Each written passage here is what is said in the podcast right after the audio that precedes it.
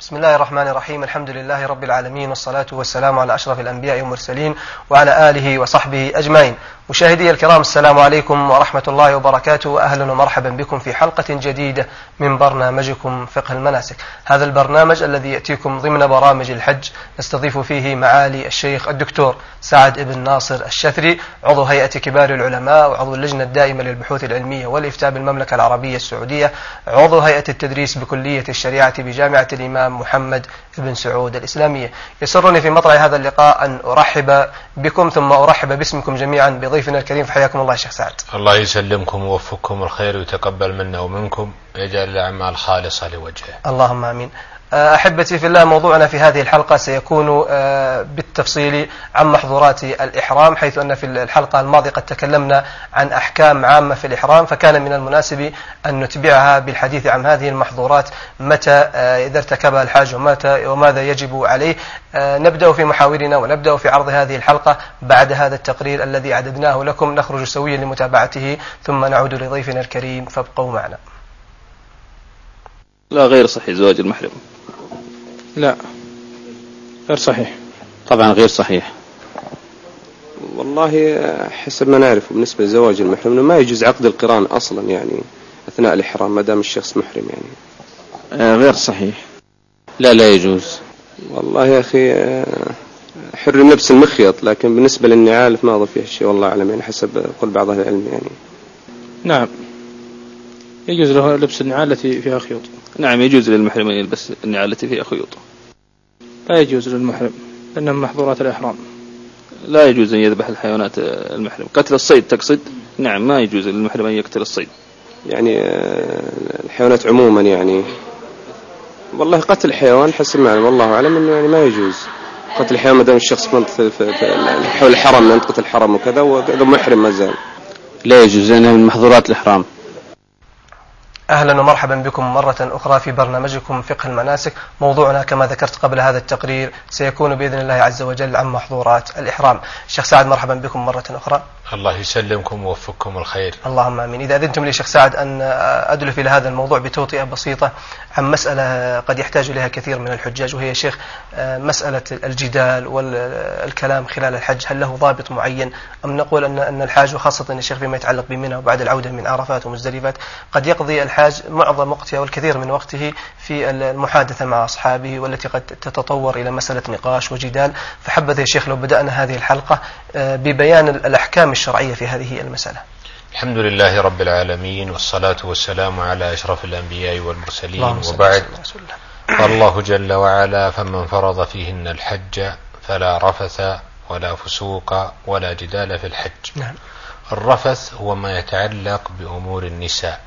يشمل الحديث بالأمور التي تحصل بين الرجل وزوجته والفسوق المراد بها المعاصي نعم. والجدال المراد به الحديث الذي يكون بين اثنين مجادلات عقيمة لا تنتج شيئا فقهيا مطلوبا للشرع فإذا تقرر ذلك فإن المحرم ينبغي به أن يحافظ على كلامه فلا يتكلم إلا بما فيه نفع له. يقول النبي صلى الله عليه وسلم من كان يؤمن بالله واليوم الآخر فليقل خيرا أو ليصمت خصوصا في هذا المنسك.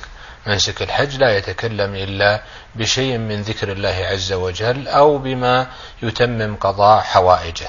وأما المناقشات العقيمة والجدل في أمور لا تتعلق بعمل الإنسان والجدل في أمور سياسية أو تاريخية لا يتعلق بها تصحيح المناسك هذا منهي عنه بدلالة هذه الآية وأما المناقشة في الأمور العلمية المتعلقة بعمل الإنسان في الحج.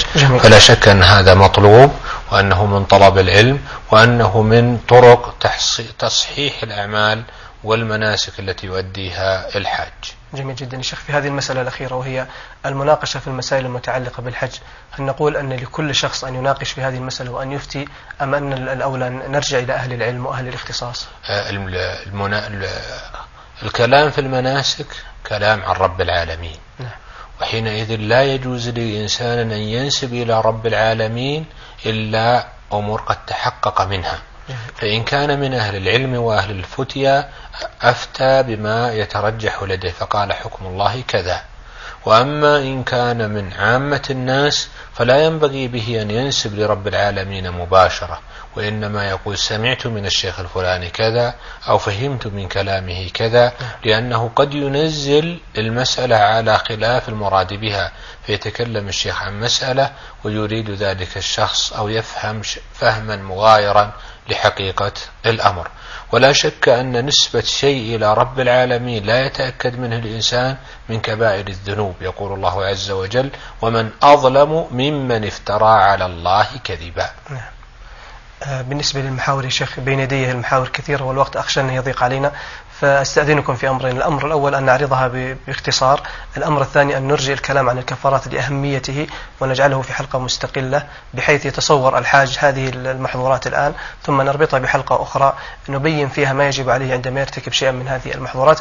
آه، فلعلي أبدأ شيخ سعد بالمحظور الأول وهو ما يتعلق بحلق الشعر أو قصه أو تقليم بعض الأظافر. نعم. حلق الشعر بالنسبة للمحرم من الأمور المحرمة. نعم. قال تعالى لا تحلقوا رؤوسكم حتى يبلغ الهدي محله. ولا يجوز الإنسان أن يأخذ من شعره شيء. وكما وردت الآية في الأخذ من شعر الرأس كذلك شعر البدن. فلا يأخذ من بدنه أي شعر. وبالنسبة للحية لا يأخذ منها المسلم شيئا لا قبل إحرامه ولا بعده وإن أخذ منها شيئا في أثناء الإحرام وجب عليه حينئذ أن يفدي فدية أذى نعم. هذا بالنسبة لحلق الرأس يا شيخ لو لو مشط شعر مثلا أو يعني حركه وكذا سقطت نعم. بعض الشعرات تحريك الرأس أو الامتشاط هذا جائز لأن النبي صلى الله عليه وسلم أجاز لأصحابه الاغتسال وقال لعائشة وهي قد وهي محرمة اغتسلي وأمرها بفك شعرها. فدل ذلك على أن امتشاط الإنسان واغتساله وكونه يسبح بالمياه وكونه يغطس في برك السباحة أن ذلك لا حرج فيه. بالنسبة للغطس في برك السباحة الإمام مالك يكره والجمهور يجيزونه. كل هذا جائز ولا حرج على الإنسان فيه. مع أن شيخ الغسل والسباحة ما ظن أن يتساقط بعض الشعر. نعم. آه، الشعر الذي يسقط من حك الرأس هذا في الحقيقة لا يسقط بسبب الحك نعم. وإنما هو ساقط قبل ذلك وإنما هذا الحك يخرج هذا الشعر من رأسه وبالتالي لا ليس على الإنسان أي حرج في أن يحك رأسه وذلك من الأمور الجائزة. ولو صادف أن هناك بقايا شعر بقيت في يده فإنه لا يؤثر عليه لأن هذا الشعر متساقط قبل ذلك وحينئذ لا يكون عليه أي حرج. فيه. جميل جدا شيخ. أنتم ذكرتم مسألة الاغتسال وأن يعني تجوز للمحرم لكن في الوقت الحاضر شيخ هل يجوز أن يستخدم بعض الشامبوهات أو بعض أنواع الصابون التي تكون معطرة في في عملية الاغتسال؟ نعم. هذا متعلق بمحظور آخر وهو محظور الطيب. الطيب نعم. نعم فإن المحرم لا يجوز له أن يمس طيبا لأن النبي صلى الله عليه وسلم منع المحرم من ذلك وقال في الذي وقصته ناقته ولا تمسوه. طيبا وحينئذ فالمحرم ممنوع من التطيب. آه، لو تطيب قبل إحرامه فله استدامة هذا الطيب الذي يكون على بدنه على الصحيح ولا يلزمه غسله. آه، أما بالنسبة لاستعمال الأدهان المطيبة نعم. فهذا جمهور أهل العلم يرون أنه لا يجوز للإنسان أن يستعمل هذه الأدهان لكون الطيب موجودا فيها. هنا قول بالجواز لكنه مخالف لعموم آه، الدليل لأن النبي صلى الله عليه وسلم نهى المحرم عن آه، لبس الثياب التي فيها زعفران أو فيها ورس فدل ذلك قال فيه شيء من زعفران. فدل ذلك على أن أي شيء أو أي مقدار يكون المحرم. ممنوعا منه. وبالتالي فيجتنب هذه الأدهان المطيبة ويجتنب هذا الصابون المطيب ويستعمل صابونا لا طيب فيه.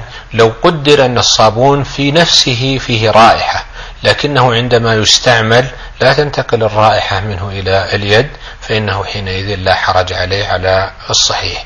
كذلك الأدهان التي ليس فيها طيب وليس فيها رائحة طيبة هذه لا حرج على الإنسان في استعمالها. كذلك مثل يا شيخ ال Vicks وال Nivea لأن مثل عشان تطرح ال Vicks وال Nivea التي ليس فيها آه، رائحة. نعم. لأنه قد يكون هناك Vicks جديد بعد سنة أو سنتين فيه طيب ويختلف نعم. الحكم.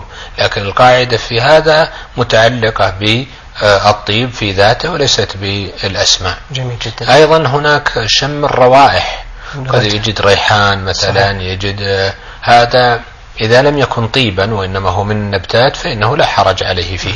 لكن كل إنسان يذهب إلى دكاكين العطارين وأصحاب الطيب ويشم الريح الذي عندهم آه، الجمهور يقولون ممنوع المحرم من مثل ذلك خلافا لقول للشافعي والأولى بالمحرم أن يجتنب أي شيء فيه شك أو شبهة قد تؤثر على إحرامه. لو كان هذا الأمر شيخ أنه لم يقصد أنه يمر بالعطارين لكن كما نلاحظ عند الحرم بعض المحلات وبعض البسطات قد يضطر أنه يشم بعض الروائح. فهل تضر هذه؟ نعم. آه، هذا الشم الذي يكون منه بدون قصد هذا غير مؤثر. لأن بالنسبة للطيب وبالنسبة للبس المخيط هي أمور لا يحصل فيها إتلاف. صحيح. وبالتالي إذا حصلت بغير قصد من الإنسان فإنها لا تؤثر على إحرامه وجاء في حديث يعلى بن أمية أن رجلا سأل النبي صلى الله عليه وسلم وقد لبس جبة وقد تضمخ بالطيب فأمره بغسل الطيب وأمره بخلع الجبة ولم يأمره بفدية نظير ذلك فدل ذلك على أن الطيب إذا فعل نسيانا أو سهوا فإنه لا يوجب فدية على الحاج. جميل جدا. شيخ سعد ذكرتم أثناء حديثكم مسألة الزعفران. الآن قد يقع الناس في مسألة يعني يقعون فيها كثيرا وهم أنهم يخلطونها أحيانا بالقهوة يا شيخ. فهل تأخذ نفس الحكم؟ آه، الزعفران الذي في القهوة الإمام مالك يجيزه يقول بأنه هذا مطعوم نعم. والحديث إنما ورد في الملبوسات والجمهور ومنهم أبو حنيفة والشافعي وأحمد يرون أنه لا يجوز للمحرم أن يشرب قهوة فيها زعفران لأن النبي صلى الله عليه وسلم نهاه عن استعمال الزعفران في ثيابه. قالوا واستعمال الزعفران في مطعومه مماثل لاستعماله في آه، ثيابه ولعل اجتناب المحرم لذلك أولى لأن استعمال الزعفران ينهى عنه المحرم بكافة صوره. تقريم الأظافر يا شيخ هل يكون محظور في جميع الحالات؟ أم نقول يستثني إذا كان الظفر مؤذيا أو كان في حالة علاج أو احتاج إلى إز- إزالة شيء من ظفره. نعم. تقليم الأظافر من محظورات الإحرام. نعم. ولذلك ينبغي بالإنسان يأخذ من أظافره قبل دخوله في النسك لئلا يحتاج من لأننا الأخذ نشرنا في. حلقة سابقة يا شيخ. نعم. وحينئذ لا يجوز للإنسان أن يأخذ من أظافره شيئا. نعم. لكن لو وجد حاجة للأخذ فهنا الحاجة على نوعين. النوع الأول أن تكون هذه الحاجة ناتجة من ذات الظفر بأن يكون الظفر ارتد على الإصبع وأصبح يؤلم الإنسان فمن ثم يجوز له الأخذ من أظفاره ولا يجب عليه فدية. لكن لو كانت الحاجة ناتجة من أمر خارج عن ذات الظفر كان يكون تحت الظفر مرض يحتاج معه إلى إزالة الظفر فإنه حينئذ يزيل الظفر لوجود هذه الحاجة لكن تجب عليه آه، الفدية. كما جاء في الحديث في حديث كعب بن عجرة أن النبي صلى الله عليه وسلم لما رآه محتاجا لحلق رأسه لكونه آه، قد تناثر القمل على وجهه أمره بالحلق وأوجب عليه الفدية مع أنه محتاج لأن احتياجه ليس ناتجا عن ذات الشعر وإنما هو عن أمر خارجي وهو آه، الهوام التي تؤذي رأسه فكذلك بالنسبة للأظافر. نعم. يا شيخ قد يشكل على بعض الناس ال- البشر التي تظهر تبرز في جوانب الظفر. لو أخذ منها شيء نقول وقع في المحظور. نعم. هذه هذا البشرة هذا ليس مؤثرا على الإحرام لأن المحظورات إنما وردت في الظفر وبالتالي الصواب من أقوال أهل العلم أن أخذ هذه البشرة غير مؤثر لأن عندما نقول بأن أي شيء يؤثر على الإحرام لا بد لنا من دليل ولا يوجد دليل فيما يتعلق بهذه البشرة. نعمم هذا الحكم يا شيخ لأن بعض المؤلفين كتب أو يعبر بقص الأظافر والأخذ من شيء من بشرته. فنعمم على جميع البشرة نعم نقول هذا الصواب من أقوال أهل العلم أنه يشمل. وهذا بخلاف فيما بخلاف مسألة مريد الأضحية.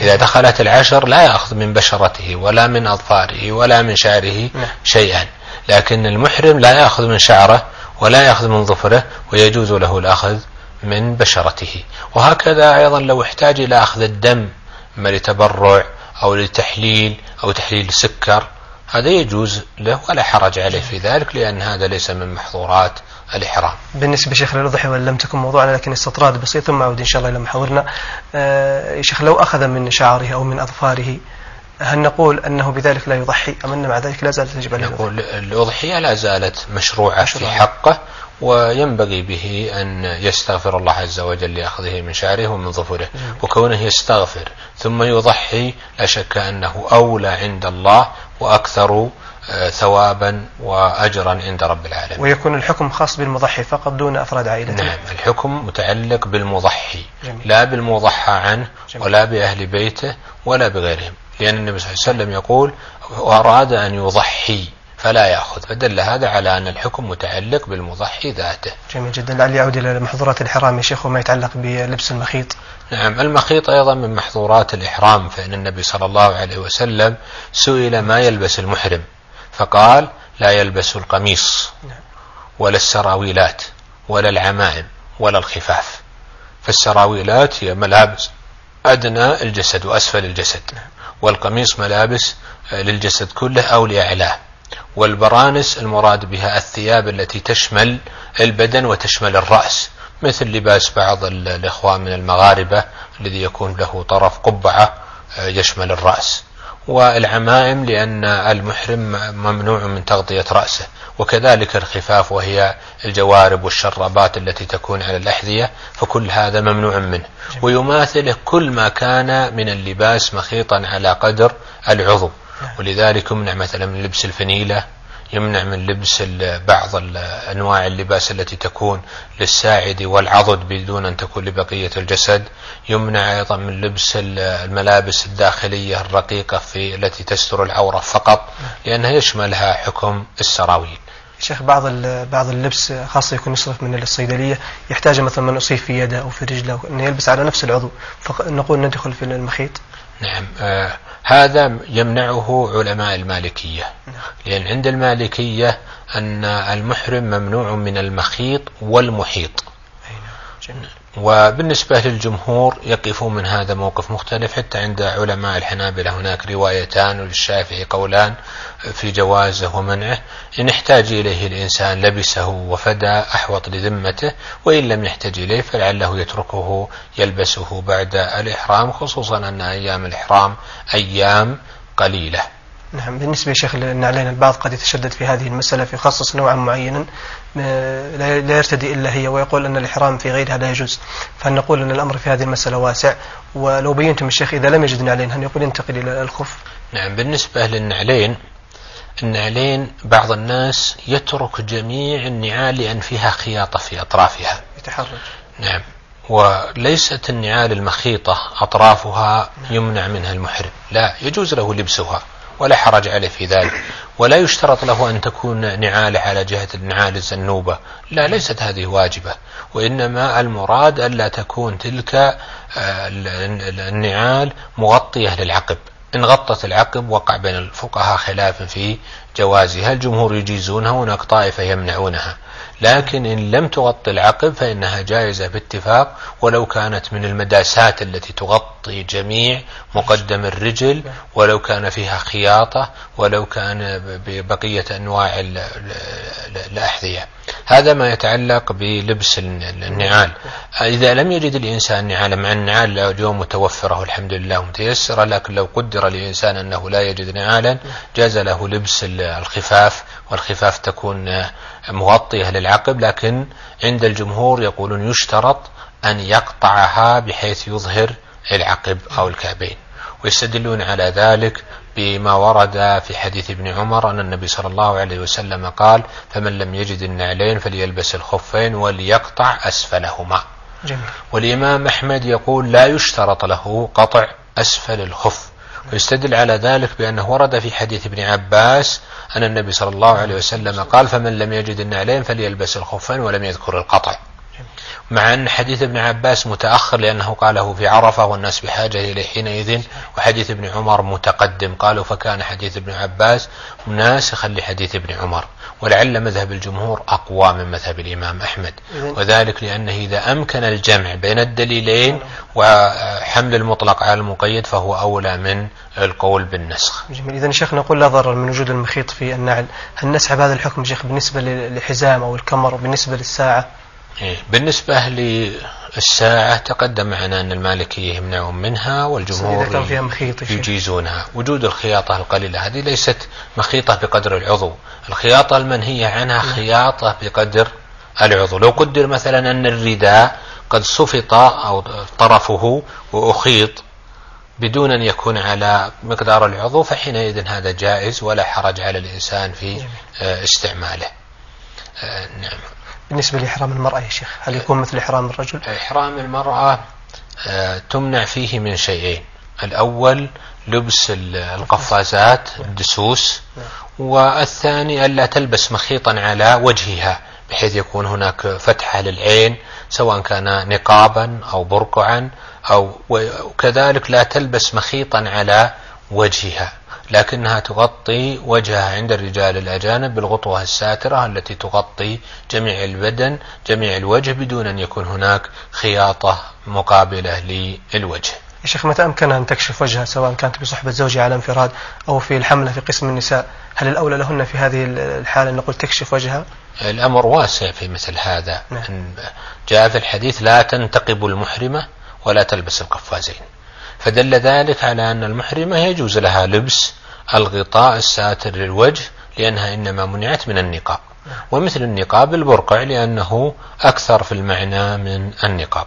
وحينئذ تغطيتها لوجهها أو كشف الأمر فيه واسع وهو على الإباحة. بالنسبة يا شيخ لوسائل التجميل من كحل أو من غيره من الوسائل المستحدثة الآن هل يحق لها أن تستخدمها في حال إحرامها؟ نعم الكحل على نوعين. نعم. كحل فيه طيب وهذا تمنع منه وكم باتفاق وكحل لا, لا ليس فيه طيب. فهذا آه، موطن خلاف بين الفقهاء وكون المرأة تجتنب حال الإحرام لا شك أنه أولى وفيه خروج من الخلاف. جميل جدا. شيخ خلال الحديث عن إحرام المرأة عرضت لي مسألة ويا شيخ أن الآن بعض الإحرامات خاصة الإزار يكون على شكل ما يسمى الآن بالتنورة أو يكون بلاصق.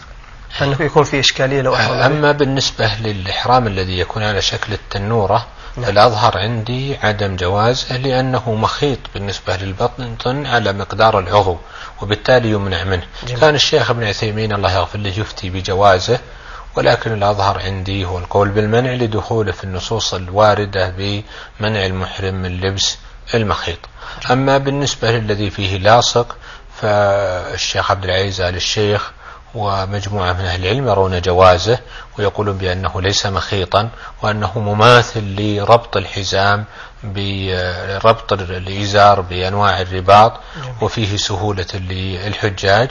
وهناك طائفة من أهل العلم يمنعونه مثل الشيخ الفوزان وغيره. وبالتالي فإن لم يكن هناك حاجة لاستعماله فلعله يترك خروجا من الخلاف. جميل شيخ سعد لعلي انتقل أيضا إلى محظور آخر وهو يا شيخ ما يتعلق بتغطية الرأس ونتحدث بصورة مجملة ولا سيما أن بعضهم قد يستخدم ما يسمى بالمظلة أو الشمسية أيضا يا شيخ لو أدخلنا في الحديث أنا أخشى أن الوقت يدركنا مسألة تغطية الوجه وخلاف العلماء المذكور فيها نعم. أما بالنسبة تغطية الرأس إن كانت هذه التغطية للرأس بملاصق يبقى مثل الغتراه والشماغ ومثل الطاقية ومثل العمامة فهذا ممنوع منه ويجب فيه الفدية لمن غطى متعمدا. نعم. وأما إن كانت هذا الغطاء ليس ملاصقا للرأس وكان ثابتا مثل سقف الغرفة فهذا غير مؤثر. باتفاق أهل العلم.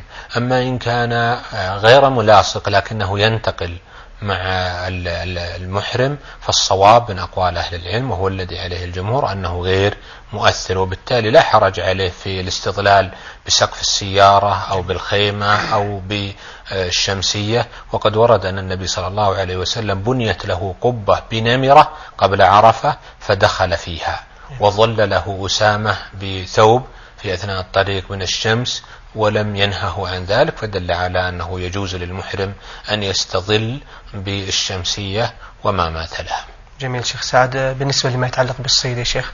نعم الصيد منهي عنه المحرم. يقول الله جل وعلا يا أيها الذين آمنوا لا تقتلوا الصيد وأنتم حرم ومن قتله منكم متعمدا فجزاء مثل ما قتل من الصيد يحكم به ذوى عدل منكم. فحينئذ يجتنب المحرم الصيد. كذلك أهل مكة يجتنبون الصيد ولو لم يكونوا محرمين لأنه يجب أن يحترم داخل حدود الحرم بأن لا يصاد فيه ولا يقطع الشجر. أما المحرم يجوز له أن يقطع الشجر ولو إذا لم يكن داخل مكة. مثال ذلك الحشائش التي تكون في عرفة التي تؤذي الناس يجوز لهم أن يقطعوها بلا بلا أي تحريم لأن ليس لأن ليس من محظورات الإحرام قطع الشجر. إنما الحرم يحترم بأن لا يقطع شوكه ولا يقطع شجره. جميل جدا. شيخ سعد بعض المسائل قد تكون واضحة للإخوة المشاهدين وللمحرمين عموما فيما يتعلق بحرمة الصيد على المحرم. لكن قد يشكل بعض المسائل يا شيخ لو آه، أن المحرم كان مجرد دليل للصائد وهو حلال أو كان آه، صيد الصيد من أجل المحرم. أما بالنسبة للصيد المصيد للمحرم فجمهور أهل العلم يرون آه، أنه لا يجوز للمحرم أن يتناول منه لأنه ورد في حديث الصعب بن جثامة أنه أهدى للنبي صلى الله عليه وسلم صيدا وهو محرم فرده النبي صلى الله عليه وسلم عليه وقال إنا لم نرده إليك إلا أن حرم خلافا لمذهب أبي حنيفة. وأما بالنسبة إذا دل المحرم غيره لا يجوز له أن يدل حلالا على صيد ويجب عليه أن لا يشاركه بأي نوع من أنواع المشاركة ولا يعاونه لأن النبي صلى الله عليه وسلم كما في حديث أبي قتادة سأل قال هل أحد منكم أعانه بشيء؟ قالوا لا قال فكلوا.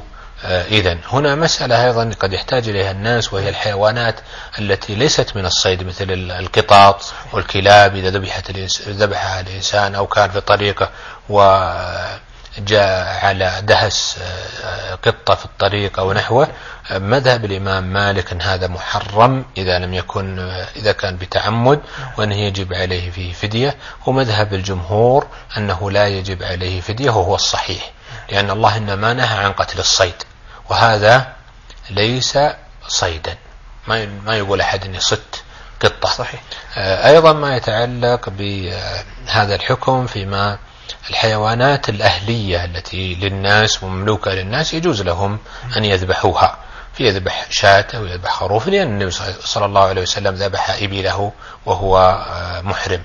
أيضا فيما يتعلق ب صال عليه شيخ. لو صار الحيوان الذي يكون صيدا إيه. لو صار على المحرم نعم هذه مسألة مهمة وهي الحيوانات الصائلة يجوز قتلها لأن النبي صلى الله عليه وسلم قال خمس فواسق يقتلن في الحل نعم. والحرم ذكر منهن العقرب والحدأة والكلب العقور والغراب والحية فحينئذ لا حرج على الإنسان أن يقتل الحيوانات الصائلة ولا يجب عليه فدية ولا جزاء عند جمهور أهل العلم لأن الاضطرار هنا ناشئ من ذات الحيوان المصيد. جميل جدا. الشيخ انتقل أيضا إلى محور جديد ولعله قبل الأخير وهو الشيخ ما يتعلق بعقد النكاح.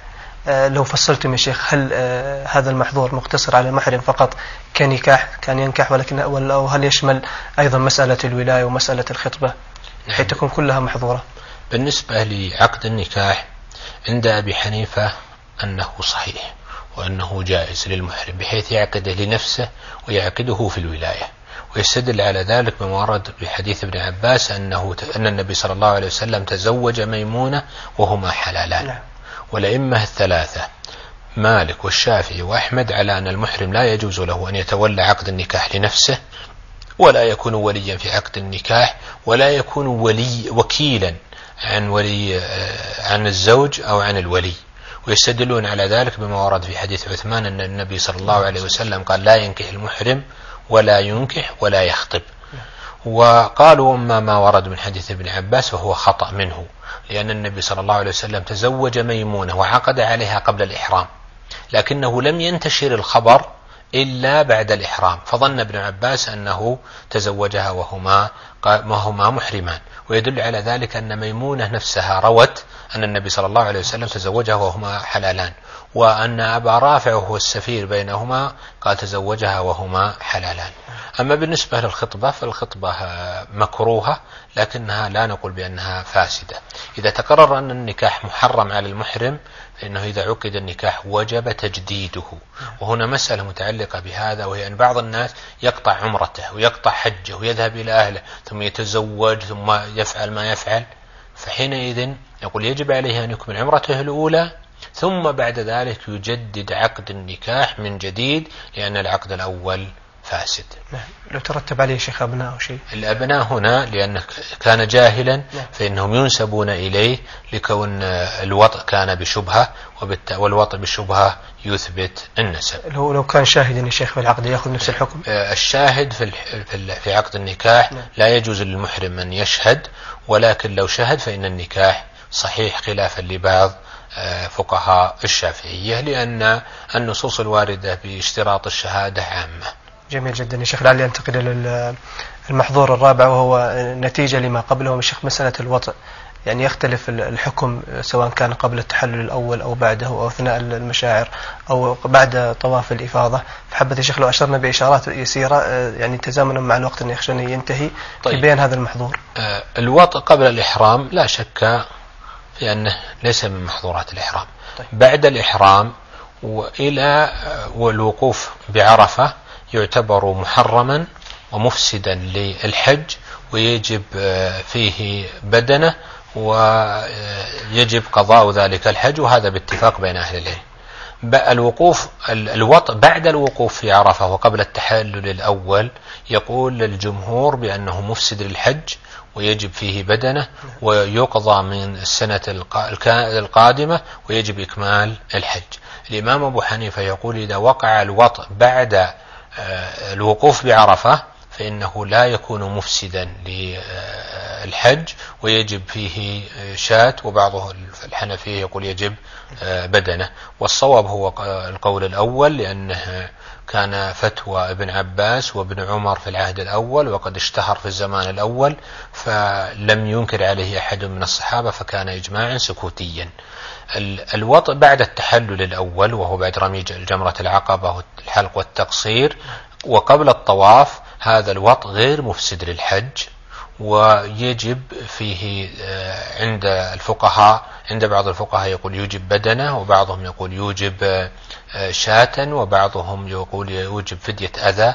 ولعل القول الأصوب أنه لا يوجب إلا فدية أذى ولا يلزمه الإتيان بالطواف بعد إحرام جديد ويكفيه إحرامه السابق على الصحيح خلافا لفقهاء الحنابلة.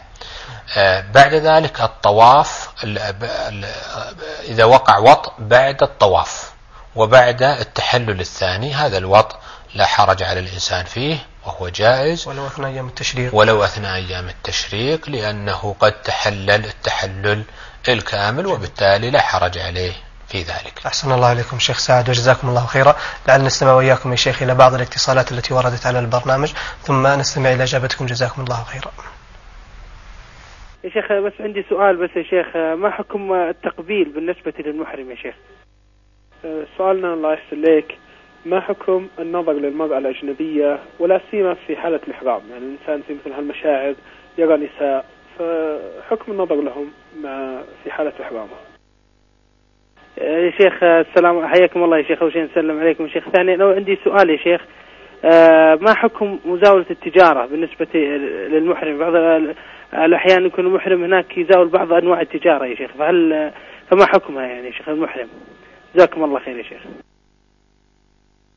أشكر جميع الإخوة الذين داخلوا معنا فجزاكم الله خيرا على هذه المداخلة وعلى إثراءكم لموضوع الحلقة. الشيخ سعد المتصل الأول حفظه الله كان يتساءل عن مسألة ترد في محظورات الإحرام وهي شيخ مسألة التقبيل بالنسبة للمحرم هل تؤثر على صحة إحرامه أم لا؟ نعم بالنسبة للتقبيل إن كان قبل الإحرام أو بعد التحلل الثاني فلا شك في جوازه بلا أي حرج. أما التقبيل قبل التحلل الثاني فهو ممنوع منه ولا يجوز للمحرم أن يفعله. لكن ما هو الواجب عليه إذا حصل منه تقبيل؟ نقول التقبيل إن لم يحصل معه إنزال فإن بعض أهل العلم يرى أنه آه، يجب عليه حينئذ أن آه، شات ولا يفسد حجة كما هو مذهب الشافعي وأبو حنيفة. إذا حصل هناك تقبيل بإنزال. فإنه يجب عليه شاة عند الشافعي وعند أبي حنيفة ولا يفسد حجه. لكن عند الإمام أحمد والإمام مالك يقولون يجب عليه بدنه ويفسد الحج ولعل القول الأول أظهر لأن الصحابة قد اختلفوا فيه. والإمام أحمد ومالك رجحوا قول والإمام الشافعي وأبو حنيفة رجحوا قولا آخر. ولا يوجد دليل مرفوع وإذا اختلف الصحابة فإنه لا يثبت الحكم عند اختلاف الصحابة بقول أحد الصحابة دون قوله دون قول الصحابي الآخر. ومن ثم فالواجب عليه شاة ولا يفسد حجة. أما إذا لم يحصل إنزال فإنه عليه الاستغفار والتوبة ولا يؤثر ذلك على صحة آه، حجة. الشيخ سعد بالنسبة للمرأة سواء في مسألة التقبيل أو في مسألة الجماع في المحظور الذي قبل لا تقل إما أن تكون طائعة أو تكون مكرهة فما الحكم في الحالة بالنسبة إذا كانت مكرهة فإنه حينئذ لا شيء عليها والصواب أيضا أن حجها صحيح ولا يفسد بذلك. وأما إن كانت مطاوعة فإنه يجب عليها فدية. مماثلة للفدية الواجبة على الزوج ويفسد حجها بذلك ويجب عليها إتمام مناسك الحج وتقضي الحج من سنة قادمة. جميل جدا. المتصل الآخر يا شيخ آه، سأل عن موضوع مهم جدا وقد يقع فيه بعض الحجاج إما آه، لوسوسة الشيطان وإما آه، أحيانا نسيانا أو تجاهلا. يا شيخ النظر الأجنبية لا شك أن النظر الأجنبية في الإحرام وخارج الإحرام أنه من المحرمات. قال الله عز وجل قل للمؤمنين يغضوا من أبصارهم ويحفظوا فروجهم. وقال وقل للمؤمنات يغضضن من أبصارهن ويحفظن فروجهن. لكن النظر للأجنبية هو محرم ويجب على الإنسان التوبة منه. لكن إذا لم يحصل إنزال معه فإنه لا يفسد الحج ولا ولا يكون سببا من سبب إلغاء الإحرام وإفساد الإحرام. حتى ولو كان بشهوة. ولو كان بشهوة لكن عليه التوبة إلى الله عز وجل من ذلك. لكن لو كرر النظر ونتج عن ذلك إنزال نقول حينئذ آه، مذهب الإمام الشافعي وأحمد وأبي حنيفة بأن الحج لا يفسد بذلك. وعليه التوبة إلى الله عز وجل. ومذهب الإمام مالك بأنه يفسد الحج به. لكن قول الجمهور أولى لعدم وجود الدليل الدال على إفساد الحج بذلك. جميل جدا. المتصل الأخير يا شيخ كان يسأل عن مسألة يعني مشاهدة بكثرة في الحج وهي مزاولة التجارة يا شيخ. هل نقول أن المسألة تكون مباحة بهذا الوجه توسع أم نقول أن لها أيضا ضوابط وتحتاج إلى بعض الأحكام الشرعية التي لزاما نبينها يا شيخ في مثل هذه الحلقة؟ الأصل في مزاولة الحاج للتجارة الجواز والحل. لقوله سبحانه ليس عليكم جناح أن تبتغوا فضلا من ربكم. نعم. فإذا أفضتم من عرفات فاذكروا الله عند المشعر الحرام. هذا هو الأصل المقرر في الشريعة. لكن لو ترتب عليه أمور أخرى كأن يضايق الحجاج أو أن آه، يكون ذلك سبيلا للتحيل عليهم وأخذ أموالهم أو أو أي سبب آخر فحينئذ يقال ذلك الفعل محرم.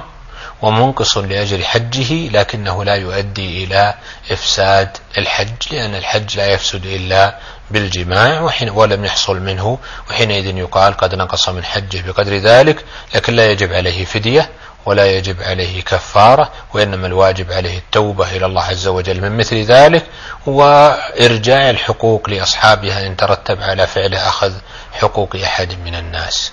أحسن الله إليكم شيخ سعد. على هذا الإفتاء وهذه الأحكام التي بينتموها. يعني أجد في نفسي حرج يا شيخ أن تعرض هذه المحظورات بدون أن نبين الأشياء الواجبة عليها من الكفارات ومن نحوها. لكن إذا أذنتم لي أن تكون حلقة الغد يا شيخ عن الكفارات ليكون هناك ارتباط بين الحلقتين. إن شاء الله. على خير. الله يتقبل منا ومنكم ويستعملنا وإياكم في طاعته ويسر الحجاج حجهم. اللهم آمين. مشاهدي الكرام بهذا أصل وإياكم إلى نهاية هذه الحلقة التي عرضنا فيها آه، محظورات الإحرام وما يتعلق بها من الأحكام ومن الفواتي. الفتاوي عفوا. آه، حلقتنا في يوم الغد ستكون بإذن الله عز وجل عن بيان الكفارات التي تجب على هذه المحظورات. إلى ذلكم الحين يبقوا في حفظ الله ورعايته. والسلام عليكم ورحمة الله وبركاته. رجالا ركبالا على كل ضمير من كل ذي فج عميق أتيناه. نحج